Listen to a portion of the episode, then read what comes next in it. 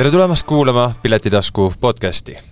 meil on täna suur rõõm tervitada külas Malgikast, Exponaudist, kes alles mõni aeg tagasi käis meil saates rääkimas Exponaudi platvormist ning täna saame rohkem teada, mida siis Exponaudi platvormiga on võimalik ürituse raames korda saata. lisaks on meil külas ka Maarja Kadastik. Äh, Maarja on teadlane, roheekspert, elektritranspordi entusiast ja elektriautode messi moderaator. tere tulemast teile! tere! tere! täna siis noh, räägime elektriautode messist ja võib-olla siis ka elektriautode üleüldisest kontseptsioonist ja kõik, mis sinna juurde kuulub. Mall, EKR Expo on juba peagi tulemas maikuus, kaksteist kuni neliteist mai.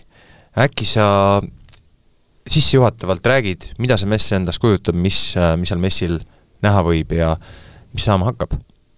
Suurima rõõmuga, aitäh kutsumast!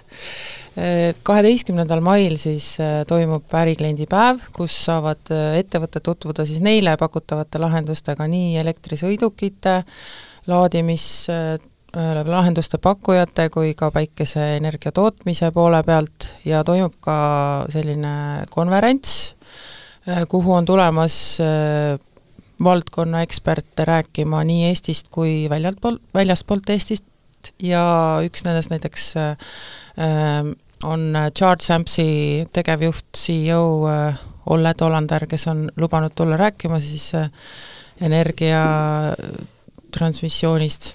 kuidas äh, parimad praktikad siis praegu Põhjamaades selle poole pealt toimivad ja nemad on juba väga suur ettevõte mitmetes, mitmekümnetes riikides tegutsevad.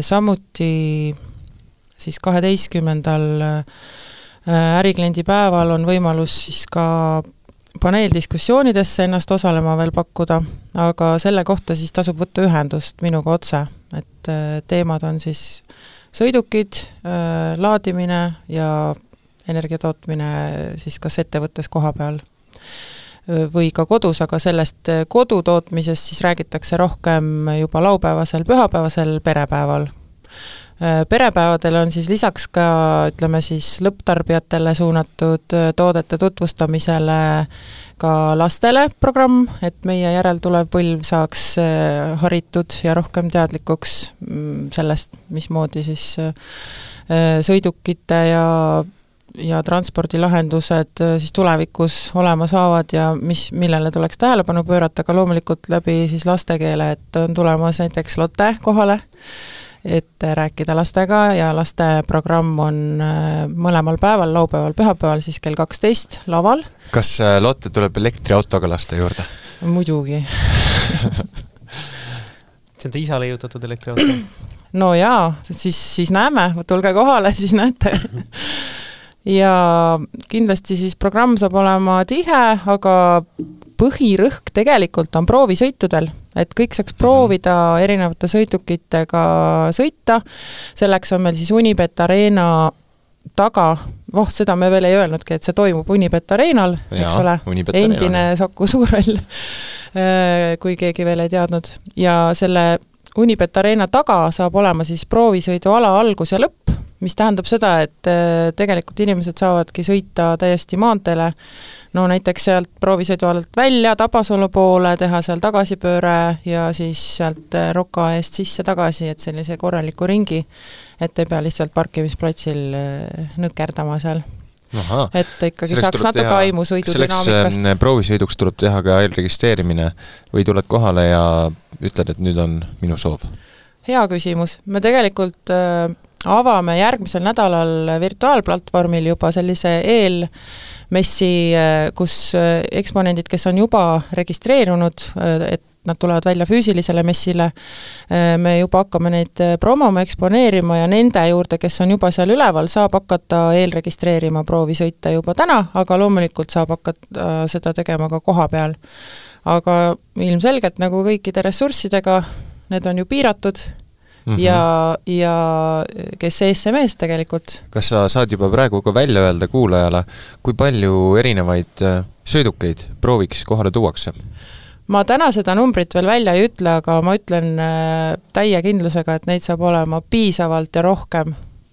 ja on ka üllatusi väga lahe, mina ise ei ole näiteks veel elektriauto, autoga sõitnud, olles ise juht, et äh, kindlasti tulen kohale ja, ja proovin ära, kuidas see juhtimistunnetus on jaa, minul täna tööle minnes tuli kolleeg ja küsis, et Mall, millal see mess juba toimub, ma ütlesin, mais. ah, alles mais, ma mõtlesin, et aprillis, et tahaks juba nii tulla. aga meil on siin kõrval üks inimene, kes on elektriautoga juba kui ammu sõitnud, et kes teab rohkem rääkida sellest teemast. Maarja, kaua sina oled elektriautoga juba sõitnud? no see talv saab kümme aastat. kümme aastat? võimas, me tuleme selleni peagi tagasi, aga vanasti oli meil legendaarne autode mess Motorex. tänasel päeval sellist asja mälestatakse sooja südamega, aga nüüd on tulnud siis Eesti turule hoopis uudne e-car EXPO. see on esmakordselt Eestis?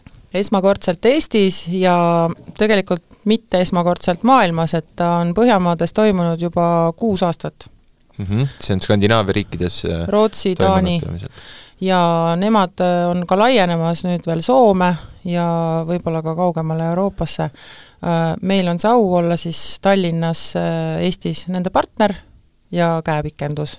kas sellele elektriautode messile võiks oodata külalisi ka meie lõunanaabritest Lätist, Leedust?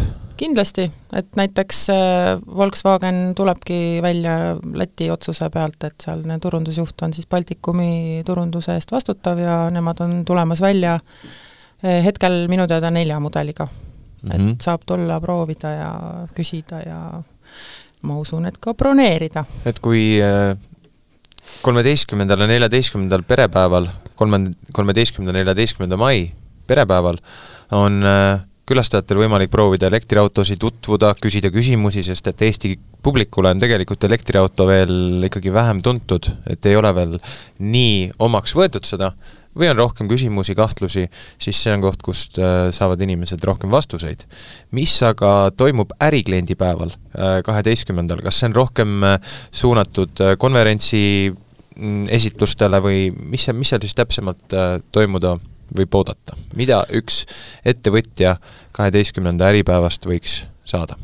jaa, ärikliendi päeval samamoodi saab ju teha proovisõite, et kes ettevõtetes on mõelnud sellele, et hakata näiteks autoparki vaikselt välja vahetama elektriliste või hübriidsõidukite vastu siis täpselt samamoodi saab teha proovisõite, aga programm on jah, võib-olla spetsiifilisem kui lõpptarbijapäevadel, et räägitakse võib-olla seal ärikliendile suunatud teenustest, toodetest lähemalt, mida siis jälle perepäevadel ei räägita, arusaadavalt aga muidu on nad äh, sarnase kontseptsiooniga, et mõlemal päev, mõne, kõigil kolmel päeval toimub nii lavaprogramm kui proovisõidud kui äh, siis tegevused äh, eksponoon-, eksponentide boksides mm. -hmm no elektriautod on olnud tegelikult ju väga pikalt juba, juba teemaks meie ühiskonnas, küll aga on see selline tekitanud palju, palju vastasseise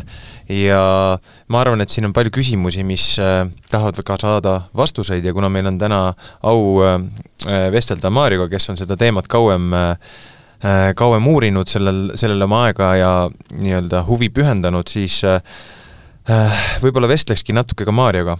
Võiks välja tuua, et Euroopa Liidu liikmesriikide kokkuleppe kohaselt on siis kahe tuhande kahekümne kolmandal aast-, kahekümne kahe tuhande kolmekümne viiendaks aastaks vaja hüvasti jätta CO2 emissioone tekitavate sõiduautodega mm. -hmm.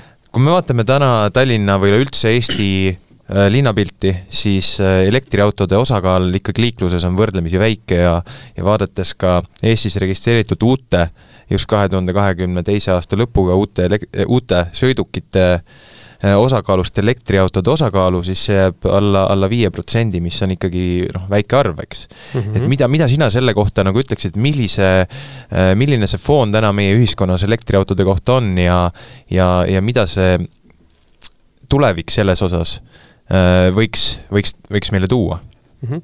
no see, ta vist oli jah, mingi neli protsenti kaks tuhat kakskümmend kaks, aga seal peaks vaatama ka näiteks, mis ta oli kakskümmend üks, kakskümmend, et on tegelikult iga aastaga praktiliselt sajaprotsendiliselt kasvanud äh, võrreldes eelneva aastaga.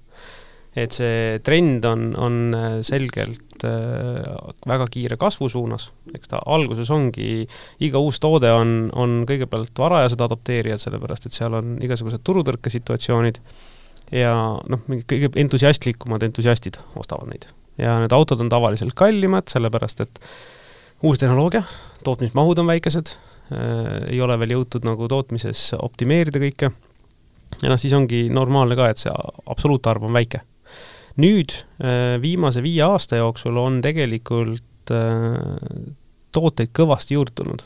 et kui vanasti oli laias laastus Tesla, kes tegi pika otsa autosid ja siis oli hästi palju neid äh, niinimetatud compliance car ehk siis need, mis tehti ainult regulatsioonide täitmiseks ja mis sobisid peamiselt linnalähedasteks sõitudeks, siis ma arvan, kaks tuhat kaheksateist, üheksateist, kakskümmend perioodil hakkas tulema järjest äh, siis uute tootjate ja vanade tootjate poolt äh, uusi autosid, mis olid juba päris niisugused mõistlikud, nagu tavaautod. ja need on nüüd hakanud ka nagu kogustes üles ka tulema. et eks ta siis nüüd, äh, kui see otsus on ära tehtud, et kaks tuhat kolmkümmend viis enam tossajaid ei müü, siis, äh, siis põhimõtteliselt selleks hetkeks see uute autode osakaalus kasvab kindlasti saja protsendini, sest noh, muud varianti ei jää, on ju aga, aga see, isegi kui ta kasvab saja protsendini uute autode osakaalus, on ju, siis kui suur osa uutest autodest on meie kogu autopargil? et äh, ega see vahetumine ei toimu mingi ülikiirelt. Et selles mõttes äh, ma arvan, et selle peale kulub rahulikult niisugune tubli kolmkümmend pluss aastat, et kogu autopark välja vahetuks.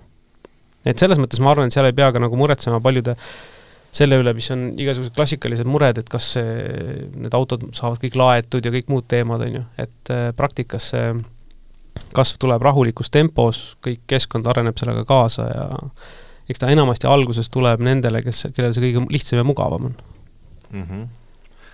Aga kui me nüüd räägime elek-, kui me nüüd räägime elektriautodest äh, üleüldiselt, siis äh, elektriautode puhul on inimestel ju erinevad hirmud äh, ning mm -hmm. samamoodi on ka erinevates riikides ka erinevad ri-, riikidepoolsed toetused selle jaoks, kui me vaatame Skandinaaviat, mille tõttu seal ongi väga, väga suur osa Norras, Rootsis elektriautosid, kus on äh, lihtsalt emissioone tekitavate autode puhul on väga kõrged aktsiismaksud mm -hmm. ja suuremad toetused elektrisõidukitele, siis tänasel päeval Eestis veel sellist äh, tendentsi näha ei ole mis sa arvad no,, kas see on muutumas või, või olen ma lihtsalt ise praegu valesti asjast aru saanud? no KIK kuulutas just mõned päevad tagasi välja selle uue toetusmeetme, äh, noh tõsi, see meede äh, oluliselt ei kasvata nüüd eh, nende osakaalu, kes eh, ennem ei saanud autot osta ja nüüd saaksid, sellepärast et see meede on üles ehitatud niimoodi, et sa saad toetuse siis, kui sul on auto välja ostetud ja käes. Ehk siis eh, ainult need, kes jaksavad endale elektriauto osta, saavad sellega nagu boonust või niisugust subsideerimist mingil määral, et eesmärk on muidugi kasutaja käitumist suunata, et kui sa oled võimeline ostma ühe või teise auto, et sa siis langetaksid otsuse selle teise kasuks, isegi kui ta on natukene algul kallim aga noh, muidugi ta ei too neid, äh, kes, kes, kellel see ostmine jääbki raha taha. nii et see praegult nagu see meede ei ole nagu päris nagu kõigile, ta on ikkagi rohkem nagu otsuse suunamine nendel, kes on kahe vahel mm. -hmm. ja kellel on see võimalus ja kes pigem nagu ütlevad, ma olen, ma olen fänn ja ma tahaksin katsetada midagi uut mm. -hmm no ta, ta otseselt ei pea olema fänn, selles mõttes see, ma arvan, faas on juba tänaseks läbi, et äh, sa ei pea noh, alati ükskõik kus koha peal hakata arutama elektriautode üle, ilmuvad kohe välja need, kes sõidavad tuhat kilomeetrit järjest ilma ühegi vetsupausita ja kõik, mis iganes, kõik muud ulmelised inimesed, samas kui keskmine inimene sõidab viiskümmend kilomeetrit päevas ja, ja sõidab noh, aeg-ajalt paarisaja kilomeetrise otsa. et siis eh, tegelikult enamus inimeste jaoks ei ole täna vaja enam mingit ulmelist fännamist selleks, et elektriautot kasutusele võtta. nõus nõus, see on, äh, see on, see on psühholoogiline valmisolek ja, ja, ja otsus, kas ma soovin või mitte mm. -hmm. Küll aga on elektriautode ümber väga palju aspekte, me ei räägi ainult autost, me räägime infrastruktuurist, me räägime oma geograafilisest asukohast, seal on päris palju müüte, päris palju tõekspidamisi. kas me võiksime teha niisuguse rubriigi, kas ta on siis äh, müüt või, või mitte? Ja ma, ma olin mm -hmm. välja kirjutanud endale mõned mõtted, et esimene asi, mis äh, mul endal võib-olla pähe tuli, on, äh, et meie Eestis on täna laadimisvõrgustiku nii-öelda struktuur võrdlemisi väike. mis sina sellest arvad, kas see on tõsi või mitte? Äh, no see on, see tuleneb osaliselt sellest, et ähm, bensiiniauto omanikul on ainult üks koht, kus koha peal saab oma autot tankida, see on tanklas. Ta ei saa kodus destilleerida endale bensiini. see tähendab, et äh, väga tihti võetaksegi niimoodi, et meil on vaata, kui palju tanklaid praegult ja meil peaks järelikult olema vähemalt sama palju elektriauto laadijaid, et meil oleks olukord normaalne, on ju. praktikas on niimoodi, et kõik, kellel on endal olemas öö, oma maja, siis üheksakümmend üheksa protsenti laadimisest toimub kodus. sa paned õhtul saba seina, hommikul võtad saba seinast ära ja sõidad rahulikult. sul on iga päev põhimõtteliselt täis aku või selle lähedane ja seda niinimetatud tanklat pead sa külastama ainult siis, kui sa teed mingisuguseid pikemaid trippe ja sul on vaja seda puudujäävat osa juurde laadida, mitte terved akud täis laadida, puudujäävat osa. loomulikult see ei kehti nende puhul, kes elavad kortermajades ja nii edasi, kus ei ole laadimisvõimalust parkimiskoha juures. siis on teine teema. aga see ei moodusta kogu autoparki, on ju, et meil on tegelikult autostumise mõttes ähm, peamised, kes vajavad autosid, on need, kes elavad linnadest väljas, linnas sees saad palju rohkem kasutada ühistransporti ja muid võimalusi, ehk siis tegelikult sama on ka see, et linnas sees sul üldjuhul distantsid tulevad väiksed, sest sa sõidad, ma ei tea, ühest linnaosast teise tagasi. Äh, meil on see palju-palju vähem vaja neid avalikke laadijaid, selleks, et katta ära sama transpordivajadus. sest enamus saavad tegelikult laadida kodus või noh, võib-olla mitte enamus, aga suur osa saavad laadida kodus. jah, nende, kellel on see privileeg, kes elavad oma kodus, oma majas, paaris elamu boksis nendel on see võimalus olemas. aga nemad on tõenäoliselt ka need, kes lähima nelja-viie aasta jooksul olid põhilised aut-, elektriautode ostjad, sellepärast et äh, niikuinii elektriautodes on vaja veel hinnas alla tulla, nad ei ole praegult äh, selle keskmisele inimesele kättesaadavad. Äh,, see areng toimub alles. see tuleb sellega koos, kui meil jõuavad nad ka kasutusse, nagu kasutatud autodena, kui nüüd Euroopas hakkavad esimesed pikemad liisinglepingud läbi saama, ehk kaks tuhat kakskümmend viis pluss hakkab tulema, ma arvan, neid second-hand autosid, mis on juba mõistlikumas hinnaklassis, pluss niikuinii tootearendus, tehased, kõik areneb kaasa, hinnad tulevad alla. ehk see kaks tuhat kolmkümmend viis aastaks on meil tõenäoliselt valik juba päris okei okay.. aga lähiajal, ma arvan, et on peamiselt majaomanikud, kes ostavad. me rääkisime nüüd sellest äh, kodus laadimisest ja teatavasti on viimasel ajal ka päris suurt äh, jututeemat ja arusaadavalt ka inimeste äh, rahakotile raskelt mõjunud elektrihindade tõus ähm, kui me nüüd räägime elektri hinnast võrreldes fossiilkütuse tankimishinnaga, siis äh, kuidas me võiksime siin paralleele tuua? Äh, no ma olen seda hiljuti arvutanud ja esiteks on ka, ka bensiini hind tõusnud võrreldes äh, viie aasta taguse või mis iganes ajaga. et, äh, et selles mõttes ja kuna bensiin on, või noh, bensiin, sisepõlemismootor on oluliselt vähem efektiivne sa kulutad palju rohkem seda kütust või seda energiat ära selleks, et edasi liikuda, võrreldes elektriautoga, millel on laadimistsükli efektiivsus seal kaheksakümmend pluss protsenti, e, et saada nagu tõesti seinast ratastele. siis e, tegelikult, e, kui ma õigesti mäletan, selleks, et me jõuaksime pariteedile, ehk siis saja kilomeetri läbimiseks kuluks sama palju raha, mm, keskmise bensiiniauto puhul peaks olema elektri hind kuskil kaheksakümmend senti kilovatt-tund, seitse-kaheksakümmend senti kilovatt-tund, mis on tohutult kallis elektri hind, mida me oleme näinud üksikutel tundidel võib-olla. et praktikas äh, teine asi on see, et elektriauto on üks parim juhitavaid ressursse elektri laadimisel. ja enamus või noh, väga suur osa tänapäevastest elektriautodest on juba mingisuguse targema süsteemiga integreeritavad, et sa saadki panna nad laadima kõige odavamatel tundidel. et lihtsalt, kui sa, noh, minul endal on näiteks, äh, kui ma olen börsipaketil siis auto laeb mul ainult kõige odavamatel tundidel, teeb seda ise, mina ei pea seda kuidagiviisi käsitsi juhtima, ja tulemuseks on see, et minul maksab autol laadimine seal kuskil neli-viis senti kilovatt-tund, kuus-seitse, see tegelikult on kümme korda odavam kui bensiiniautoga sõitmine. nii et noh, selles mõttes see, see on ikkagi selles mõttes natuke müüt, isegi kui me võtame selle universaalteenuse, see on umbes kakskümmend senti kilovatt-tund. kui mm -hmm. võrdled seda selle seitsmekümnega, siis see on endiselt üle kolme korra odavam kui bensiiniautoga sõitmine. nii et selles mõttes ma arvan, see niinimetatud kallis elektri hind ei ole nagu äh, argument, et äh, ta on ikkagi kordades odavam kui bensiiniautoga sõitmine. no hästi, eeldame, et su kodune infrastruktuur võimaldab sul äh, kodus majas eh, oma sõidukit laadida, tekib küsimus ka ajalises faktoris on ju laialdane arvamus, et ikkagi laadimiskiirus on võrdlemisi aeglane ja võib-olla selle paari tunniga jõuad sa ära laadida võib-olla saja, kahesaja ki-, kilomeetri pikkuse distantsi. Kuidas on laadimiskiirusega?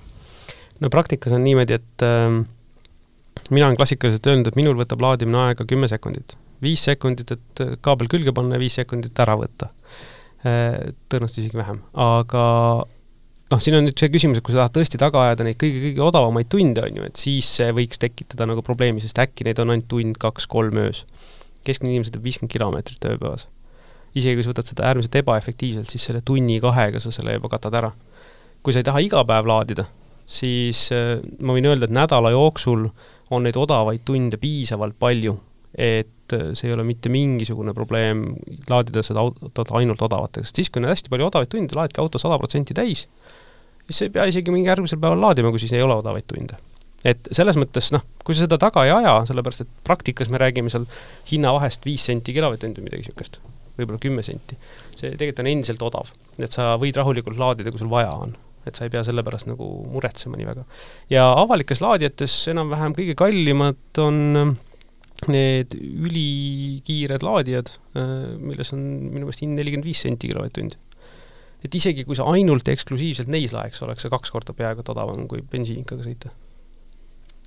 ja seal on kiiruseks sada viiskümmend kilovatti, mis on noh, potentsiaalselt äh, üle tuhande kilomeetri tunnis laadimiskiirus, mis tähendab, et sul viie minutiga on sada kilomeetrit täis ja sul enamasti ei jäägi puudu rohkem kui sada, sada viiskümmend kilomeetrit, nii et sa ei jõua isegi vetsus käia oletame nüüd, et ma olen äh, keskmisest äh, pikemaid distantse läbiv autojuht ja minu igapäevane äh, Äh, töö võib-olla on seotud äh, ka rohkem sõitmisega. on vaja külastada koostööpartnereid mm -hmm. või siis käia tihedamini maakodus, sõites läbi näiteks päevas kolmsada kilomeetrit. kuidas siis antud juhul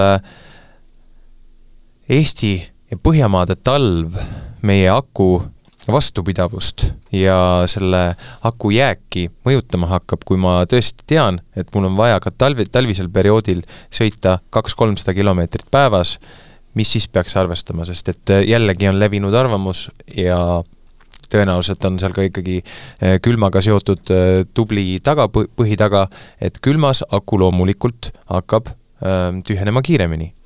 jaa, see on tegelikult äh, ega sellest ei pääse ka bensiiniauto ka bensiin ka, võtab ka bensiiniauto võtab talvel kütust rohkem, sellepärast et mootor on külm, salong on külm, veeretakistus on suurem, õhk on paksem, noh, sõna otseses mõttes külm õhk on paksem kui soe õhk.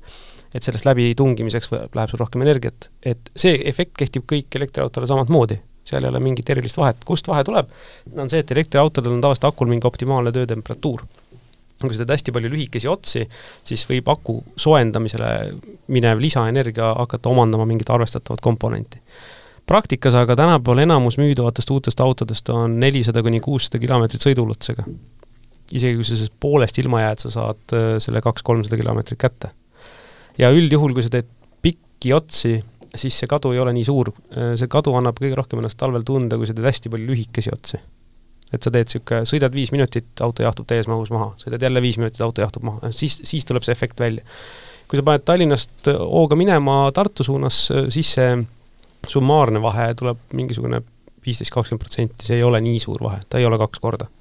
et selles suhtes on see noh, natukene niisugune murekoht võib-olla osadel inimestel, aga ma võin öelda, et mu äripartner sõidab väga tihti Tartu-Pärnu, Tallinn, Tartu-Pärnu, Tallinn, Tartu-Pärnu, Tallinn ja see terve ring niimoodi, et Tartust Tartusse läbi selle tiiru võib vabalt toimuda tal ühe päeva jooksul, mis on oluliselt rohkem kui kolmsada kilomeetrit. ja lihtsalt halvimal juhul ta laeb kuskil juurde. Neid ülikiireid laadijaid on tänapäeval nüüd juba meil päris mitmeid ja neid tuleb suurusjärku paar tükki nädalas juba viimase tempoga. et äh, nii, täna minu meelest oli just uudis selle kohta, et see võrk kahekordistub selle aasta lõpuks ja jätkab samas tempos kiiret kasvu, sellepärast et eks kõik saavad aru, et äh, ega Circle K ei teeni ju bensumüügist. ta müüb ju sulle seda kabanossi ja kohvi ja kui sul ühel hetkel on vaja vahetada need bensiinitankurid elektritankurite vastu, siis kabanossi ja kohvi pealt sa teenid endiselt edasi. Et eks nad on aru saanud, et nad peavad hakkama seda turgu hõivama täna, selleks, et olla kaks tuhat kolmkümmend viis selleks valmis ja nüüd noh, toimub see piisavas kiiruses, et niisugust olukorda, kus ma oleksin äh, viimase kolme-nelja aasta jooksul tundnud, et mul oleks vaja laadida, aga ma ei saa laadida, sest keegi on ees, praktikas pole olnud mm. -hmm. nüüd äh, kuidas äh, võiks öelda akude elu, eluea kohta, sest et nagu igal liikuval osal on oma eluiga, nõnda on ka akul mm. -hmm. mis on tänasel päeval tehnoloogiline niisugune äh, hüppesamm, kuhu maani akude eluiga on jõudnud ja kuidas see meie Eesti kliimas just äh, võiks toimida? kusjuures Eesti kliima mõjub hästi akudele Äh, klassikaliselt, äh, mis tapab akusid, on äh, suur suvine temperatuur ja kõrge laetusaste, ehk kui sa laed oma laku saja protsendi peale ja jätad ta päikse kätte sinna kolmekümne kraadi äärde praadima, see on see, mis võib potentsiaalselt seda akut eluiga vähendada. see, kui sa talvel miinus kahekümnega laed teda sada protsenti täis ja jätad seisma, see ei tee akule mitte midagi praktiliselt. et äh, siin antud juhul meie kliima on kasulik kestvuse mõttes aga muidu üldiselt on niimoodi, et see müüt, et akud surevad ruttu ja need on vaja välja vahetada, tekkis suuresti nendest esimestest ähm, hästi väikese akuga autodest.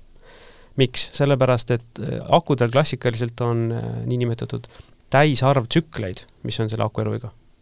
kui sul nüüd on neli korda väiksem akupakk, siis selleks, et läbida sama distantsi, pead sa neli korda tihemini laadima kui suure akupakiga ehk siis need, mis olid need kuueteist, kahekümne kilovatt-tunniste akupakkidega autod, pidid laadima neli korda või kolm korda rohkem kui need, mis on kuuekümne, seitsmekümne, kaheksakümne kilovatt-tunnise akupakiga. ja neid täistsükleid tuli sama aja peale neli korda rohkem, mis tähendab, et eluiga oli neli korda väiksem. Et selles suhtes need, mis tänapäeval, kui sa nüüd vaatad, mis on uued autod müügil, need on kõik äh, praktiliselt ühtegi vist ei ole enam alla viiekümne kilovatt-tunnise akupakiga, pigem on viiskümmend, kuuskümmend, seitsekümmend, kaheksakümmend kuni sada kakskümmend et äh, nende puhul sa üldjuhul nullist saja protsendi vahemikus üldse ei käigi. sa käidki seal kahekümne, üheksakümne protsendi vahel, mis on ka hea, sa hoiad need äär, äärmused ära. ja sellised akud, ma arvan, kestavad rahulikult äh, noh, peaks, kui ma peaks pakkuma, ma pakuks, et auto sureb enne ära, kui see aku. Ja noh, ma olen ise omanud äh, Teslasid, mis on sõitnud nelisada, nelisada viiskümmend tuhat kilomeetrit ja millel oli algsest mahust alles endiselt üle üheksakümne protsendi et tegelikult see platoo saabus kuskil kahesaja tuhande kilomeetri pealt, sealt edasi praktiliselt ta enam ei kaotanud äh, oma sõiduulatust. et tegelikult need on selles mõttes nende esimese generatsiooni niinimetatud golfikärude müüdid, mida tänapäeval ei pea enam muretsema, nii et ka teise või kolmanda käe auto ostmisel ei pea nagu süda sees värisema, et äkki ma pean varsti ostma suure kalli aku. nii et kui sa oled äh, ikkagi selline klassikaline auto omaja, kes äh, võib-olla armastab iga viie kuni seitsme aasta tagant vahetada sõiduvahendit, siis sa selle aja jooksul ei pea kindlasti muret tundma, et sinu masina aku ühel hetkel lõpetab koostöö. ja enamus autodel on see isegi garantiis kaheksa aastat äh, akudel või sada kakskümmend või kakssada tuhat kilomeetrit või midagi niisugust. et äh, ma arvan, et see küll nagu otseselt ei ole, pigem ongi see küsimus nagu nendele, kes ostavad nagu kolmanda käe auto. et mm -hmm. näiteks kaks, nelja või viieaastast liisingutsüklit, et kas siis kolmandale Eh, kuidas see aku on? Ja noh, seal tõenäoliselt ta hakkab natukene selguma, kes mis akukeemia on valinud, kuidas on kasutatud, et noh, seal võib tekkida mingisugune punkt, aga isegi nagu teise käe autodele ma arvan, et ei pea absoluutselt muretsema. et äh, see risk on ikkagi ülimadal ja, ja harv, et äh, oleks vaja reaalselt akut vahetada nii et sina, Maarja, oled kindlasti julgustanud oma sõpru ja ka kuulajaid julgustaksid elektriautot proovima, anda sellele võimalus ja tulla kindlasti kohale EKR EXPO-le, elektriautode messile, et saada oma ala ekspertidega kokku, näost näkku rääkida ja küsida täpsemalt neid äh, hirme ja küsimusi, mis võib-olla on varasemalt olnud kuklas. Ja hakata ühele, ühel päeval, võtta vastu see otsus, et hakata sõitma elektriautoga, kui sa soovid autojuht ja autosõitja ja omaja olla jah, ütleme niimoodi, et mul on väga raske meenutada ühtegi inimest, kes oleks läinud elektriautole ja siis läinud tagasi bensukale see on alati praktiliselt ühe suuna tee, sellepärast et seal on nii palju neid lisamõnusid, mis sellega kaasnevad, mida sa lihtsalt nagu, sa ei taha enam minna tagasi nende karjuvate, mürisevate, tossavate autode otsa. Sa lihtsalt ei taha. Meil on reaalselt probleeme, kui on olnud proovisõidupäevad, inimesed ei taha pärast seda proovisõitu minna omaenda autosse uuesti. Et äh, see isegi viis, kümme, viisteist minutit võib anda sellise nagu korraliku arusaama, et see on ma-, öö ja päev. Noh, ja samas on ka teine kool, koolkond ja, ja uskujaskond, kes armastavadki seda mõnusat äh, diisli, diislimürinat, eks on ju, ja tunnevadki mõnu sellest mm. -hmm. et aga vaata, selle tõttu ongi meil võimalus oma harjumusi aja jooksul kujundada mm, mm. -hmm. ühel hetkel on sa olemas ka inimesi, kellele meeldib bensiinirõhn. absoluutselt Jah., just. aga vaadake, me oleme nüüd rääkinud äh, elektriautodest natukene detailsemalt, me teame, et kogu seda informatsiooni saab juba lähemalt äh, kogeda kaheteistkümnendal kuni neljateistkümnendal mail EKR Expol, nii et kõik, kes tahavad selle teemaga süvitsi tutvuda, soovitan tulla kohale. Mall ja Mario on seal olemas ning äh, hea meelega räägivad teile lähemalt, mida seal messil siis äh, veel kõike lisaks sellele, mida me täna rääkisime, kuulda ja näha saab. just, ja kutsun üles äh, külastama ka meie sündmuse veebi www.ekarexpo.ee. Juba järgmisel nädalal avaneb seal ka siis virtuaalmess, mis äh, võimaldab siis eeltutvuda ja võib-olla koha peal rohkem täpsemalt uurida, küsida. kui ma sooviksin virtuaalmessist osa saada, kas see tähendab seda, et äh, ma ostan virtuaalmessi pääsme endale? hetkel on see kõigile avalik. kõigile avalik? No vot, kes ei saa kohale tulla, siis teate, et näete kogu sündmust äh, läbi veebi, mitte laivis, aga järelvaadatavaks. järelvaadatavalt. Aga hetkel on siiski, siiski point selles, et äh, saab eksponentidega tutvuda ja võib-olla siis äh, eelmõelda, et mis mind täpsemalt huvitab, sest kui eksponente on palju, siis ju ei jõua kõigiga rääkida võib-olla ühe või ka kolme päeva jooksul süvenenult. nii et äh, siit üleskutse äh, tulla ja olla avatud meelega, saada näha, mida elektriauto mess endast kujutab ja kuhu poole tulevik liigub tehnoloogilises mõttes. Mario ja Mall, suur aitäh, et tulite külla ja rääkisite meile oma messist, elektriautode tulevikust ja kohtume juba peagi EKR Expol. peatse kohtumiseni ja aitäh kutsumast! tänud, head aega! Kuulmiseni!